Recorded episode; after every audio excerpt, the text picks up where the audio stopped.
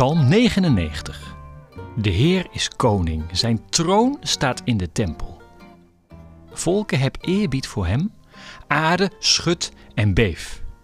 De Heer woont op de berg Sion. Hij is machtig, hij heerst over alle volken. Volken juich voor hem, want hij is sterk en machtig. De Heer is heilig.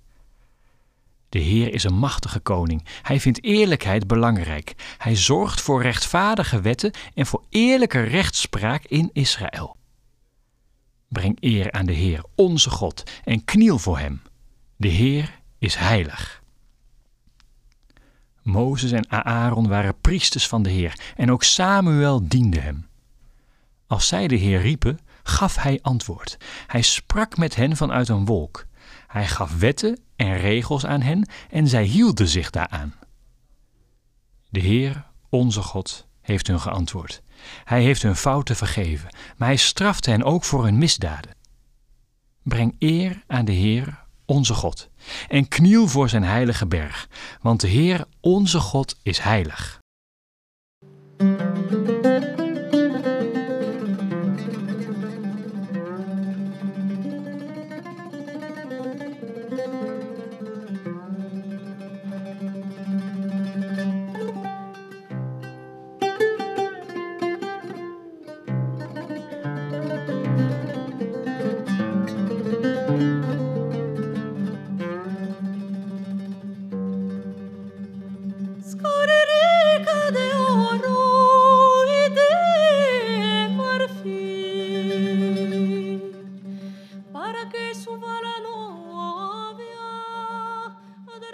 Psalm 99 is een variatie op het thema dat in de psalmen hiervoor ook steeds klonk.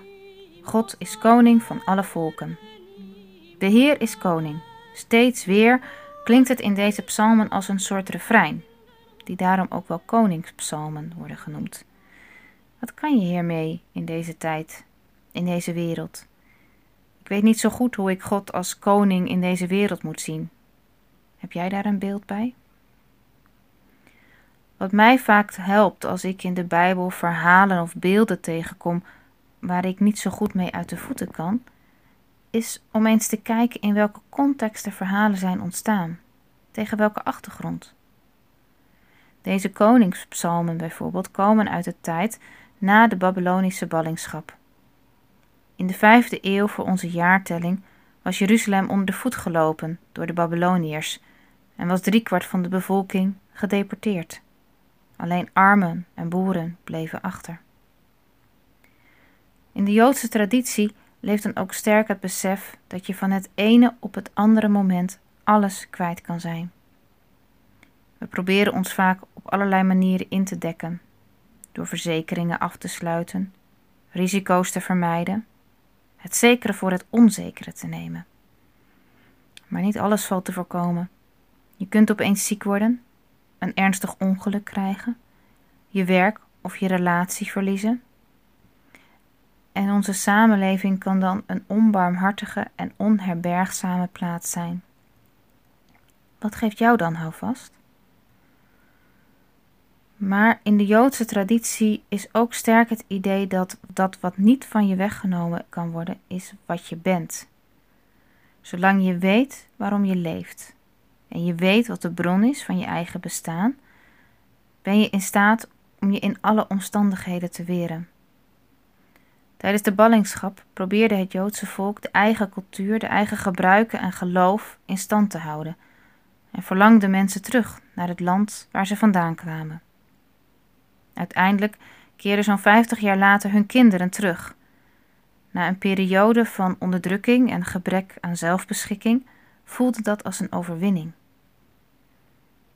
Tegen die achtergrond is het niet zo vreemd dat wordt uitgeroepen in deze psalm: De Heer woont op de berg Sion, Hij is machtig. En het is niet een koningschap van angst en beven, maar om uit te roepen het recht van de zwaksten, om te funderen het recht van de minste van de mensen. Hoe zou de wereld eruit zien als regeringsleiders, politici, bestuurders zich laten leiden door recht en gerechtigheid? Oog hebben voor wat mensen kunnen en willen en wat ze daarvoor nodig hebben. Is dat hoe we de Heer is koning moeten verstaan?